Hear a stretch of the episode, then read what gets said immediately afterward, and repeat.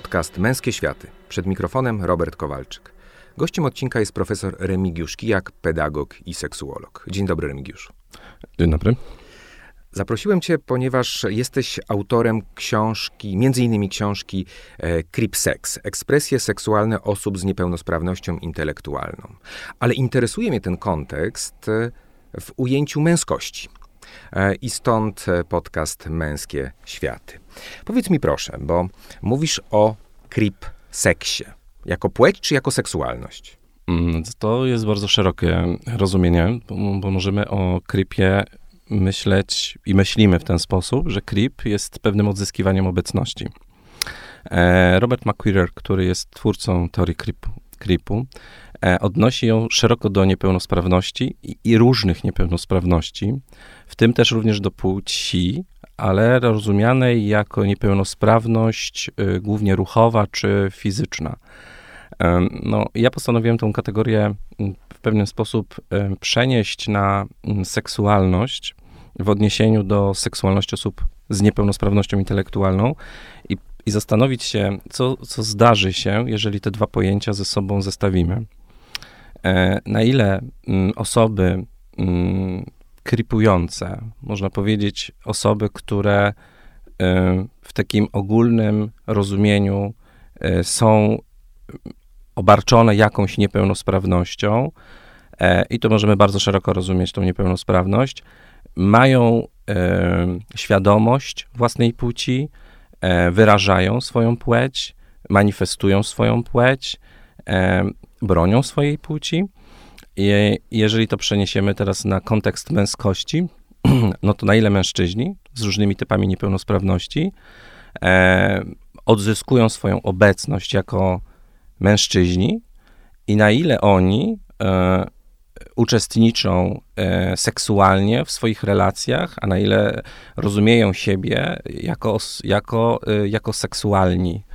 E, na ile ta seksualność znika poprzez niepełnosprawność, a może e, na ile ona e, musi się na nowo zredefiniować. E, Bardzo wiele osób z niepełnosprawnościami, a jeżeli mówimy o mężczyznach, to bardzo wielu mężczyzn mm, z, z niepełnosprawnościami ma takie pewne mm, doświadczenie pewnych mm, niesukcesów w życiu seksualnym, właśnie głównie związanych ze swoją niepełnosprawnością. Mhm. I nie wiąże się to jakby z ich męskością stricte, ale bardzo mocno wiąże się to z ich niepełnosprawnością. Ale wróćmy do tego sensu largo, bo Mhm. jeżeli popatrzymy na e, oczywiście seksualne zachowania seksualne, to wyżej popatrzmy na pewien rodzaj kategorii, którą określamy mianem tożsamości. Mhm. E, I e, ta tożsamość budowana jest między innymi przez e, zestaw też stereotypowo ujętych cech dla danej kategorii. I jeżeli myślimy o męskości, to stereotypowo męskość jest dyskutowana jako sprawczość, pewność siebie, dominacja, dążenie do wysokiego statusu. E, Skupię się na tej sprawczości. E, Spotkałem się z takim terminem niepełnosprawczość, Mhm. czyli, mm, czyli właśnie jak zbudować kategorię męskości, kiedy jestem otoczony bardzo określonymi, wręcz twardymi normami e, tego, co określane jest mianem męskości.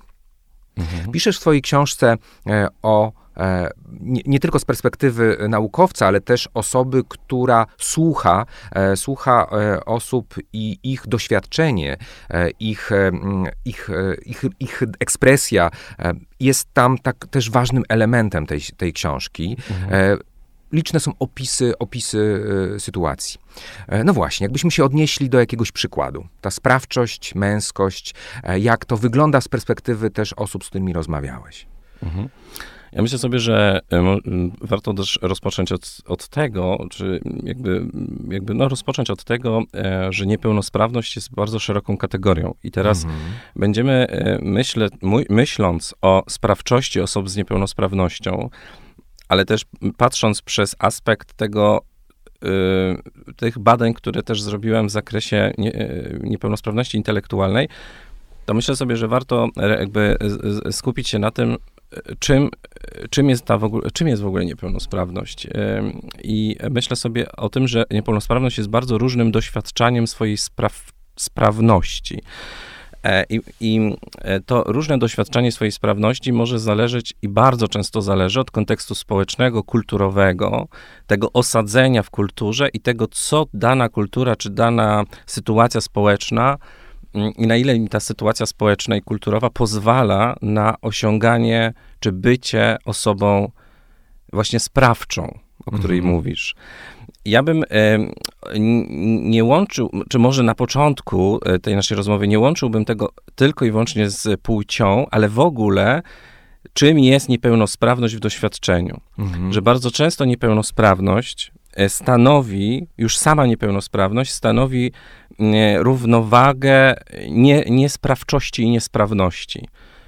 Używasz bardzo ciekawej kategorii niesprawczości i sobie teraz, jak sobie myślę o niepełnosprawności, to bardzo często osoba z niepełnosprawnością boryka się z całym takim dość dużym obciążeniem kulturowym tego, że właśnie poprzez to, że jest niepełnosprawna, w dużym stopniu odbiera jej się e, poczucie tej sprawczości i sprawności. I nawet jeżeli mamy sprawnego fizycznie mężczyznę, ale z niepełnosprawnością intelektualną, to on i tak będzie odbierany poprzez pryzmat właśnie mm, słabości, bierności i, i bardziej e, pojawić taki dla niego habitus społeczny, aby funkcjonował jednak w tej zależności. Mhm. bardzo trudno jest wyjść z takiej kategorii i, mm, i jakby pokazać siebie światu jako osobę sprawczą, sprawną, e, i gdzieś spełniającą pewne społeczne oczekiwania stereotypu męskości. Mhm. E, to jest na pewno bardzo trudne osób z niepełnosprawnością intelektualną, które właściwie są e, traktowane e, jako, jako nie, nie, niesprawcze i, nie, i nieaktywne, niedecyzyjne bardzo często, nieautonomiczne w swoich, w swoich decyzjach seksualność, nie wiem, czy się ze mną zgodzisz, ale wydaje mi się, że przyjmuje też kulturowo pewną pragmatyczną rolę, że seksualność jest też po coś, że ona jakby, a, a szczególnie ma ona wydźwięk w kontekście niepełnosprawności, że po co niepełnosprawnemu seks? To może do tego wrócimy, jak, ale jeszcze, mm, bym, jeszcze okay. bym skupił się na, na męskości. E, czyli jeżeli wyłączana albo zamazywana jest ta sprawczość, e, też inne cechy, mm-hmm. e, czy one są pasy, pacyfikowane? Bo mm-hmm. popatrz, dominacja, prawda? Mm-hmm. Jeżeli tu mhm. pojawiłaby się ona, to jest ona automatycznie, e, automatycznie pacyfikowana. Staje się nieadekwatna wręcz, prawda? Tak. Jeżeli tak. mówimy o, o dominującej osobie z niepełnosprawnością. Pojawia się pewien rodzaj takiego społecznego, e, to to nawet y, Garland mówiła o tym, pewnego chichotu społecznego, mhm. że no jak y, niepełnosprawny może być y, zaradnym, nie wiem, mężem czy zaradnym ojcem, czyli jak może wejść w męską rolę. No właśnie, jak może? Mhm. Mówisz, o, o, piszesz w swojej książce o, o, o osobach, które, e, które Pokonują właśnie... ten stereotyp. Mhm. Ale pokonują go, to znaczy w jaki sposób? Bo jeżeli ja jestem otoczony takim przekonaniem, ale też wewnętrznie jest ono, ono jest internalizowane, mhm. e, to jak go pokonać i jak być też atrakcyjnym, bo często te cechy e, pokazywane są jako niezwykle pożądane, dalej atrakcyjne. Mhm. E, no, kontekst atrakcyjności. Ja nieraz myślę sobie tak, że jak mm, wchodzę też w świat badań i wchodzę w świat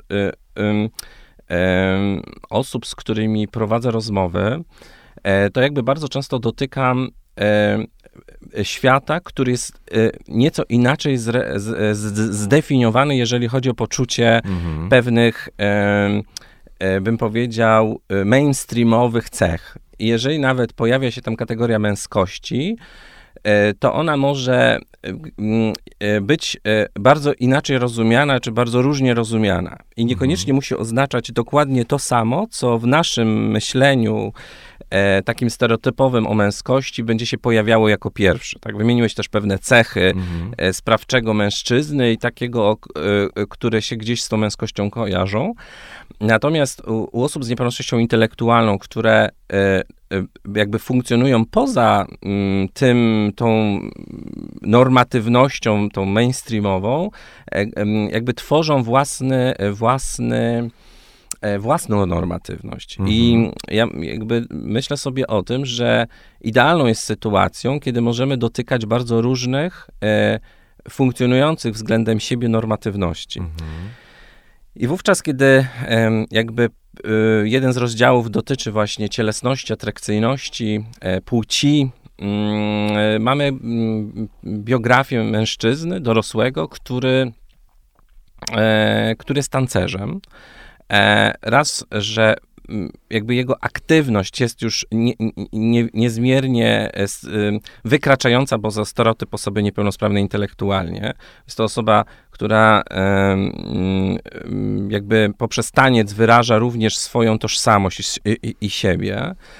Mm, I on jakby wskazuje takie pewne podróże narracyjne, mówiące o tym, że jego, e, jego postrzeganie siebie jako mężczyzny e, nie będzie definiowane przez e, na przykład sprawność, sprawność fizyczną, poprzez, nie wiem, świetną pracę, czy, tak, czy to, co nam się stereotypowo z męskością kojarzy, ale mm, on jakby tworzy, czy generuje inny, alternatywny sposób widzenia siebie jako mężczyzny, i z tą swoją męskością czuje się całkowicie e, dobrze. Musi jej zaprzeczyć e, ale też musi e, zmagać się z, z kategorią szeroką stresu mniejszościowego. Czyli on musi cały czas być uważny, bo żeby zaprzeczyć, oczywiście ja to rozumiem, natomiast ta uwaga, prawda, że cały czas mhm. muszę wiedzieć jednak i mieć świadomość tego, czy odnosić się do tego, czym jest męskość w kulturze, bo on jakby no, zakładam, że, że, że gdzieś. Myślę, taka... że ten stres mniejszościowy, o którym też mówisz, jest bardzo wyraźny na przykład u osób z innymi typami niepełnosprawności. Na przykład mhm. mężczyzn z niepełnosprawnością ruchową, poruszających się na wózku. Czy znaczy, użyłem tej kategorii, przepraszam, że wchodzę ci w słowo, natomiast stres mniejszościowy, czyli, czyli doświadczanie napięcia. Tak, e, wynikającego z posiadania tej określonej cechy, jaką jest niepełnosprawność. Natomiast myślę sobie, że bardzo na przykład wiele osób z niepełnosprawnością intelektualną nie postrzega też swojej niepełnosprawności jako swojej tożsamości tożsamości. I mhm. jakby dziś funkcjonuje w takim alternatywnym świecie, który e, może w całko jakby całkowicie też im pozwalać na tworzenie i interpretowanie swojej płci w inny mm, e, nie mainstreamowy sposób. Mhm. I, I, pozwalając im w ten sposób z, e, tworzyć bardzo duże zadowolenie też z siebie jako, jako mężczyzny, tak? To ciekawy, ciekawy wątek, bo mówisz o tej, o tej alternatywnej e, konstrukcji. E, jeżeli przyjrzymy się badaniom pochodzącym z ZUS-u, mhm. e, to w Polsce osób z niepełnosprawnością fizyczną, intelektualną jest prawie 3 miliony. Mhm. Czyli Oczywiście u, używam tej kategorii też świadomie. Połowa e, to są osoby, które najczęściej identyfikują się jako mężczyźni. No i wyobraźmy sobie, ile jest tych różnorodnych koncepcji męskości. Dokładnie. I tak jak mówisz, każdy, każdy buduje ją e, na swój sposób, ale czy jest tam wspólny mianownik? Czy, jest, czy zauważasz jakiś, jakiś taki element, który staje się e, no, częstszy e, w opisach, jako, jako ten, co przypisywany jest kategorii męskości? Wiesz co, ja myślę sobie, że jest, on jest bardzo rozproszony i jakby mm, bardzo wiele osób, na przykład z niepełnosprawnością intelektualną, definiuje też swoją męskość poprzez płeć fizyczną. Czyli jestem mężczyzną, bo fizycznie wyglądam jak mężczyzna. Mhm. Natomiast tożsamościowo, w kontekście tego, czym może być męskość, jest już to bardzo rozproszone. Mhm. I jakby e, badając już tak bardzo wielu lat tą tematykę, jakby ja myślę sobie, że jest bardzo wiele e, różnych koncepcji męskości w kontekście niepełnosprawności intelektualnej. I nieraz mam wrażenie, że osoby z niepełnosprawnością intelektualną tworzą, w, e, jakby wyprzedzają taką pewną swobodę, znaczy charakteryzują się pewną swobodą interpretacji męskości. Mhm. Ja myślę sobie, że osoby pełnosprawne bardzo mocno są też e, zafiksowane na pewnym stereotypie męskości, mhm. który jakby absolutnie nie funkcjonuje w grupie osób niepełnosprawnych intelektualnie, albo nie w takim zakresie funkcjonuje. Jestem mężczyzną, bo mam męskie genitalia, ale już jakby w kontekście tożsamościowym mogę być absolutnie E, e, dowolnie e, określony jako mhm. mężczyzna, tak? Mhm. Jeden z bohaterów tej książki na przykład mówi, że jego jakby, jakby pytałem ktoś też o wzory męskości, czy masz ideał męskości? I na przykład podają bardzo abstrakcyjne postacie z jakiegoś mainstreamu, ale w ich zachowaniu, czy w ich doświadczeniu, w ich biografii, w narracjach, w ich trajektoriach życia kompletnie się to nie pojawia. Czyli oni jakby i tak się nie dopasowują do tych mainstreamów, bo jakby nie, no, z wielu powodów nie są e, jakby e, może tym nawet zainteresowani.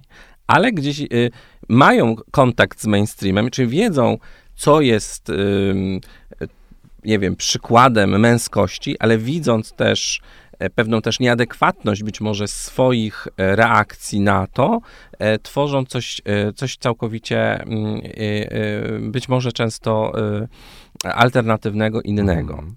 Natomiast trochę inaczej jest w niepełnosprawnościach ruchowych, fizycznych, sensorycznych, gdzie jakby bardziej jest to przypi...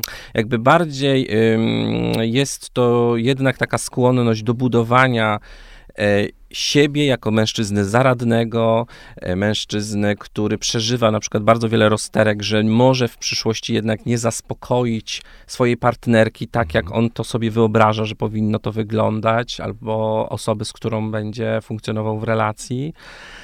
E, więc e, jest więcej stresu związanego z nieadekwatnością tego, że mogę nie podołać jakiemuś pewnemu wyobrażeniu o męskości. Mhm.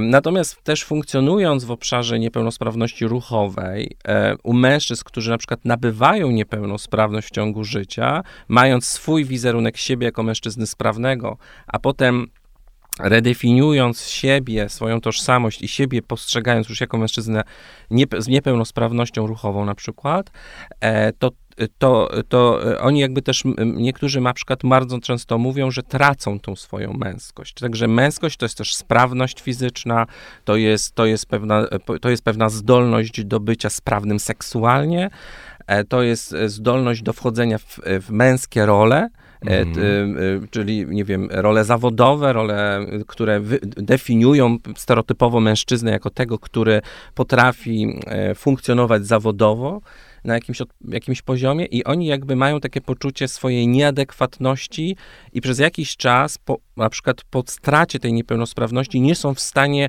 spojrzeć czy zdefiniować siebie jako mężczyznę. Mm. Bardzo często pojawia się w definiowaniu nie jestem mężczyzną albo nie jestem w pełni męski, nie jestem w pełni sprawny również mhm. e, seksualnie. E, I jednak ta sprawność seksualna również bardzo mocno jest wpisana w tą definiowanie siebie jako mężczyzny. Natomiast u mężczyzn niepełnosprawnych intelektualnie często nie ma sprawności seksualnej. Często na przykład nie ma możliwości znaczy fizycznej, fizycznej tak? Takiej, mhm. która po prostu mhm. pozwala mm, wejść w jakąś relację seksualną. I to nie będzie powodem zredefiniowania siebie jako niemęskiego. Tak, ty mówisz o pewnej utracie. Nawet spotkałem się kiedyś z takim, e, z takim określeniem, jak protezowanie męskości. Mm -hmm. czyli, czyli jest ten moment właśnie tak, utraty tak. I, i odbudowywania tej męskości, czy, mm -hmm. czy na nowo redefiniowania, e, czym jest, czym jest męskość. Jak najbardziej. Jeżeli popatrzymy na, e, na badania, to wskazanie, że mm, męskość, e, czym jest męskość, to jest sprawność fizyczna i sprawność seksualna. E, mhm. Czyli może te, teraz o tej sprawności, czy, czy o seksualności, sprawności seksualnej, seksualności porozmawiajmy, ale zanim to jeszcze związki, no bo mhm. seksualność też to często wiąże się z relacją. Natomiast męskość też to jest kategoria e, dyskutowana w kontekście atrakcyjności. Mhm. E, jak budowane są relacje i jakie kategorie, na jakie kategorie w relacjach, e, w diadach e, zwracana jest uwaga. Mhm. I to jest bardzo różnie, w zależności od tego, bo my mamy e, jakby, e, jakby chcemy pomieścić też w jednej dyskusji różne niepełnosprawności e, i myślę sobie, że to będzie znowu bardzo inaczej w niepełnosprawności intelektualnej, która jednak jest tą niepełnosprawnością, która jakby powoduje jednak trochę inne podejście czy rozumienie mhm. siebie w relacji. I to na przykład będzie związane z tym, co powiedziałem wcześniej, z tym kontekstem kulturowym, czyli na przykład nieoczekiwaniem od osób niepełnosprawnych intelektualnie generalnie wchodzenia w relacje. I nieraz w, biografiach, z którymi, mm, z którym, w które wchodziłem, e, czy na narracjach, tam się też pojawia to, że e, ja nie muszę wejść w tą relację, czy nie wejdę w relację, bo mi z jakichś różnych powodów nie... nie Albo nie mogę wejść w relację. Nie mogę. Tak. Nie mogę jest trochę czymś innym niż nie, nie, nie powinienem, nie? E, bo to często jest to, że jakby gdzieś ten habitus taki kulturowy powoduje, że oni wchodzą w taki, e, w pewien, w pewien wariant jakby funkcjonowania bez relacji. Naj, najlepiej by tak było. I wiele osób niepełnosprawnych intelektualnie właśnie poprzez to oczekiwanie społeczne nie wchodzi i nie buduje tych relacji. A wchodząc jednak w relacje, łamie kolejnie stereotyp, że niepełnosprawny to nie ten, który buduje intelektualnie, to nie ten, który buduje relacje.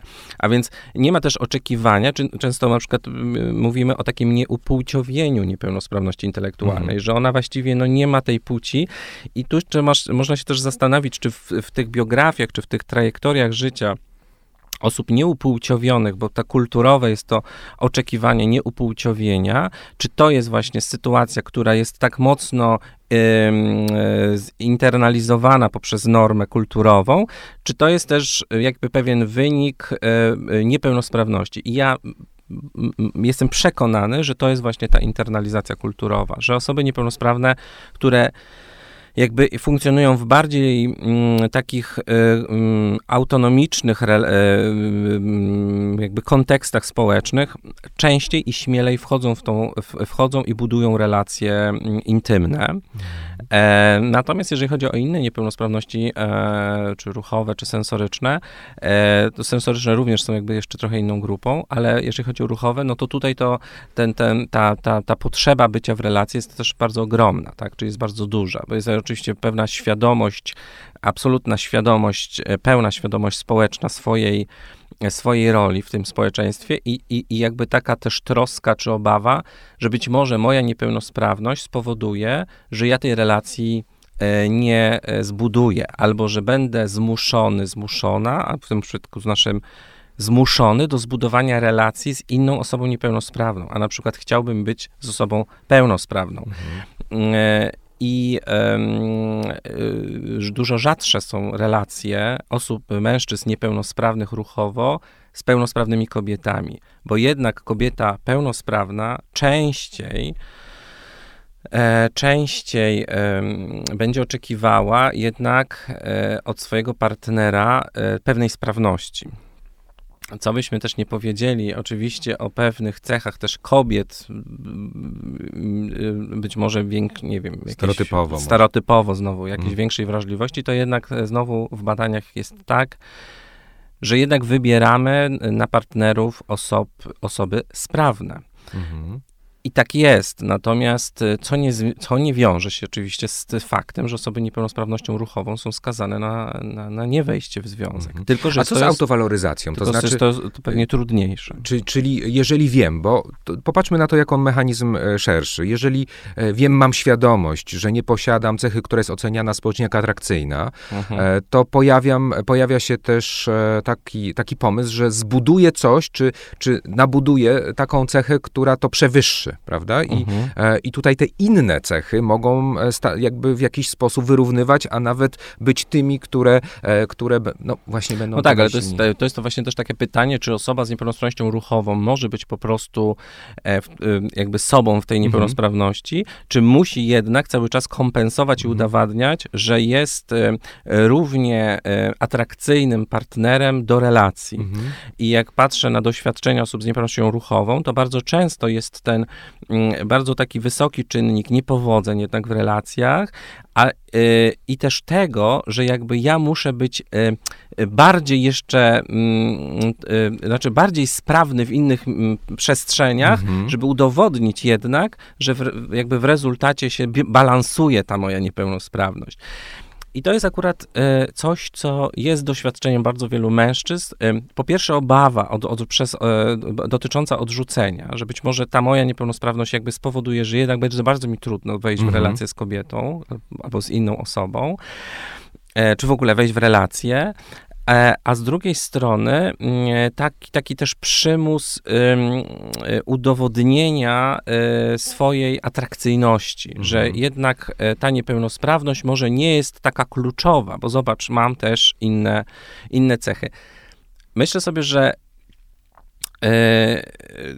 jakby w ogóle wchodzenie w relacje jest oparte mocno też na takim stereotypie atrakcyjności, mhm. że my mm, jednak wszystkie też w sumie takie badania dotyczące, czy z, z pola disability pokazują, że jednak cały czas też jest w głowie taka sytuacja, że ja muszę być ustawiony w jakiejś konkretnej roli.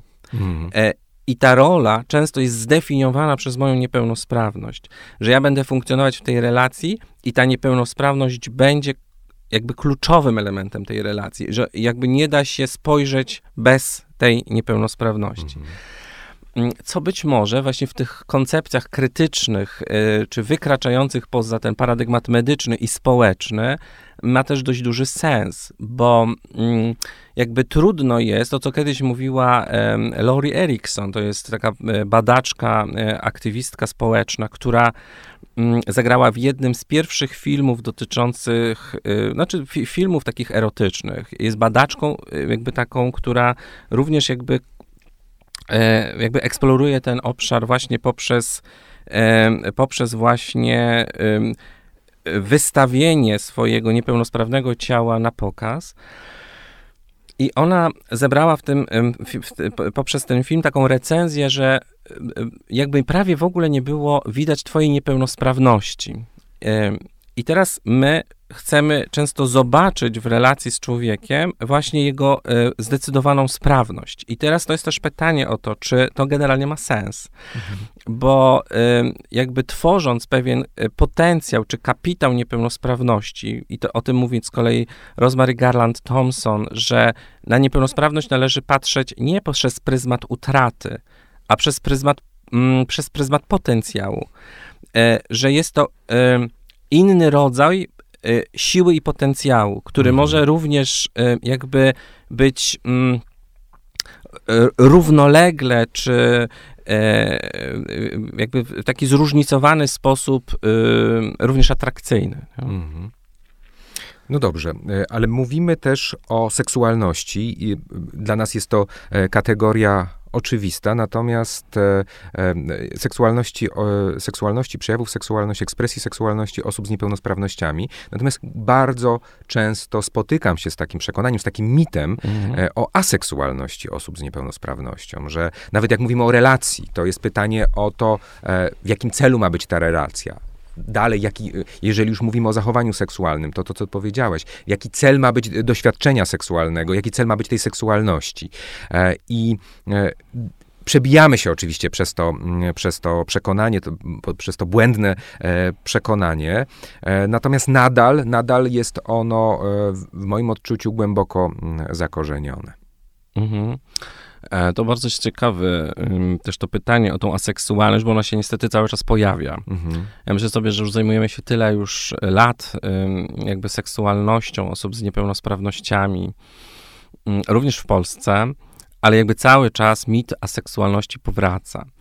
E, ja myślę sobie, że już też sporo zrobiliśmy w tym zakresie, chociażby poprzez, nie wiem, wiele badań i jakby tego, że same osoby z niepełnosprawnością manifestują e, swoją, e, swoją tożsamość, pokazując też swoją aktywność, również i seksualną, chociażby mhm. w chociażby w fotografiach, filmach, bardzo dużo jest na przykład pokazywanych ciał męskich, e, e, mężczyzn z różnymi typami niepełnosprawności, po amputacjach, po, nie, po, po, po operacjach różnego typu, bo jakby tu możemy mówić o bardzo szerokim kontekście też cielesności, ciała męskiego, E, tego, jakie to ciało jest i co jest w tym ciele atrakcyjne, tak? Na przykład my możemy sobie pozwalać kulturowo na to, że ciało męskie może być bardziej niedoskonałe, na przykład niż ciało kobiece, nie? Że jakby tutaj jakby od mężczyzn wymagamy zdecydowanie e, trochę czegoś innego w atrakcyjności, nie? Mhm. Że ta atrakcyjność może być... Mm, e, jakby inna i jakby na przykład wielu na przykład mężczyzn z, z, różnymi typami niepełnosprawności może być po prostu atrakcyjnych,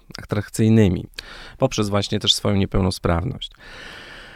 Mm, e, ale chcę powiedzieć właśnie też o tym, że jakby z, z, pojawieniem się niepełnosprawności, chyba że jest ona po prostu od urodzenia, ale jeżeli pojawia się niepełnosprawność w, w życiu mężczyzny, albo jest to mężczyzna niepełnosprawny, to jakby sama niepełnosprawność jakby wyklucza jego aspekt seksualny. I to jest tak mocno mm, jakby skorelowane z niepełnosprawnością, że jakby cała dyskusja o seksualności osób niepełnosprawnych w ogóle ciągle wokół tego samego się mm, toczy. Czy ta seksualność ma sens? To, co też mówiłeś, czy jest ona potrzebna? W jakim ona jest celu? E, jakby jest takim powracającym pytaniem. E, ja sobie myślę, że, e, że to jest też trochę tak, jak patrzymy na niepełnosprawność, to pojawia się nam taka dialektyka przyciągania i odpychania.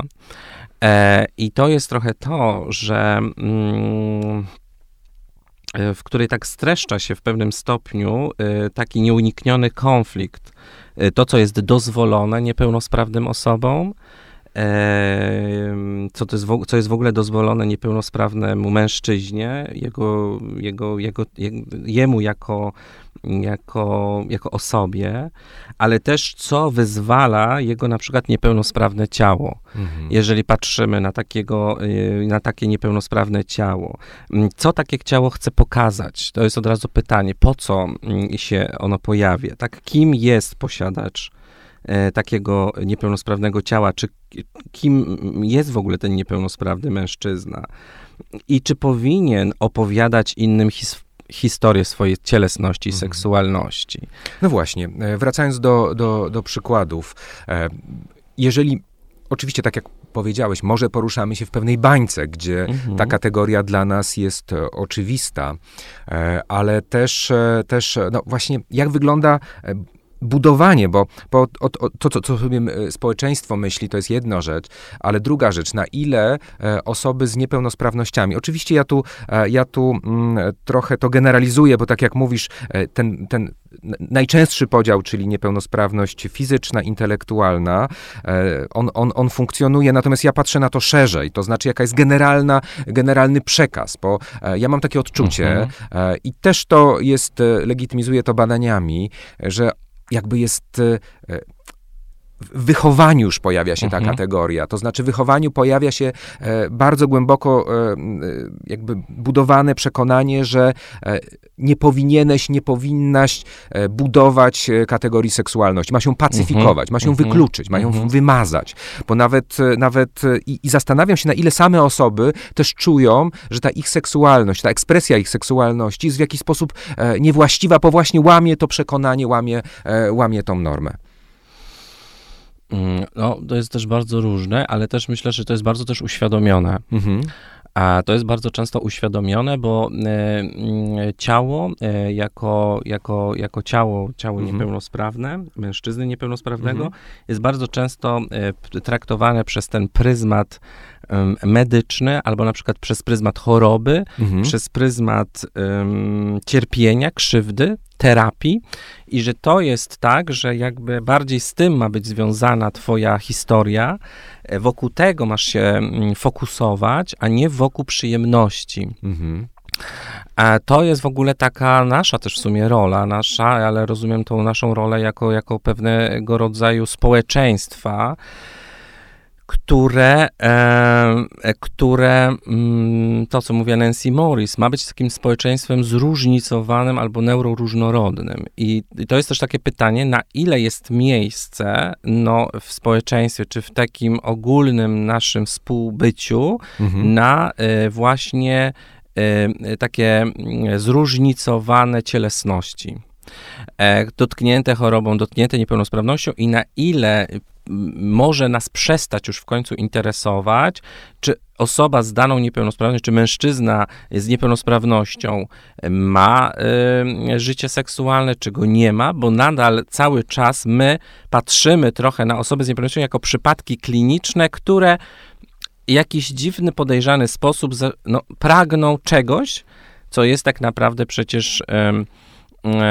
no, seksualność jest niezmiernie ważnym elementem życia człowieka, jest bardzo pozytywnym przeżyciem i, i taka powinna być. Natomiast w doświadczeniu wielu osób niepełnosprawnych jest ona tabuizowana do, takiego, do właśnie tego wymiaru e, pewnej nieadekwatności, nie, jakiegoś pewnego, e, czy przybiera taki pewien charakter mm, niestosowności, tak? E, I, i, i, i to powoduje, e, że, e, że, że, że mm, jakby osoby z niepełnosprawnościami, czy mężczyźni niepełnosprawni będą jakby, jakby, pro, jakby jakby cały czas wchodzić w, pew, w taki w pewien dyskurs udowadniania tego, że mają te same potrzeby i że mhm. one nie znikają poprzez aspekt pojawienia się czy bycia osobą z niepełnosprawnością. Zbliżamy się do puenty, bo mhm. e, używamy tutaj kategorii osoba z niepełnosprawnościami i często ta kategoria jest odbierana jako obca kazuistyczna, mhm. e, natomiast e, no, każdy nosi niepełnosprawność. E, mhm. absolutnie każdy, jest to tylko kwestia proporcji. To cytat e,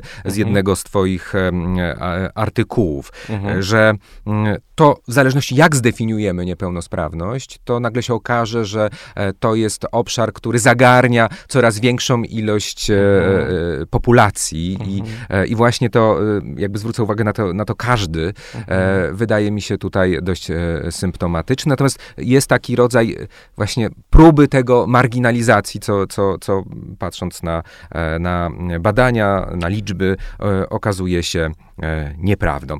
Temat niezwykle obszerny, też Oczywiście zarysowaliśmy pewien, e, pewien, e, pewien koncept, natomiast dla mnie najbardziej istotne jest to, co ty mówisz o tym, że przez to ustawiczne przełamywanie e, stereotypów jednak budowane są różne fenomeny męskości, co też pozwala, pozwala odnaleźć równowagę, bo gdzieś to jest najczęściej to, co, to czego się mhm. poszukuje w kontekście mhm. tożsamościowym, tożsamości tutaj męskiej. Jakby rozpoczęliśmy od książki Kripsex, też tą książkę książką e, chciałbym e, zakończyć, ponieważ e, oczywiście mówimy o męskości, ale też piszesz w niej o osobach niebinarnych, mhm. osobach, które się nie czują w tej kategorii, osobach z niepełnosprawnościami. Akurat tu w tej książce poruszasz głównie wątki osób z niepełnosprawnością intelektualną. Bardzo dziękuję Ci za przyjęcie zaproszenia. Moim gościem był dzisiaj profesor Remigiusz Kijak, pedagog i seksuolog. Słuchali Państwo Państwo podcastu Męskie Światy, a prowadził go dla Państwa Robert Kowalczyk.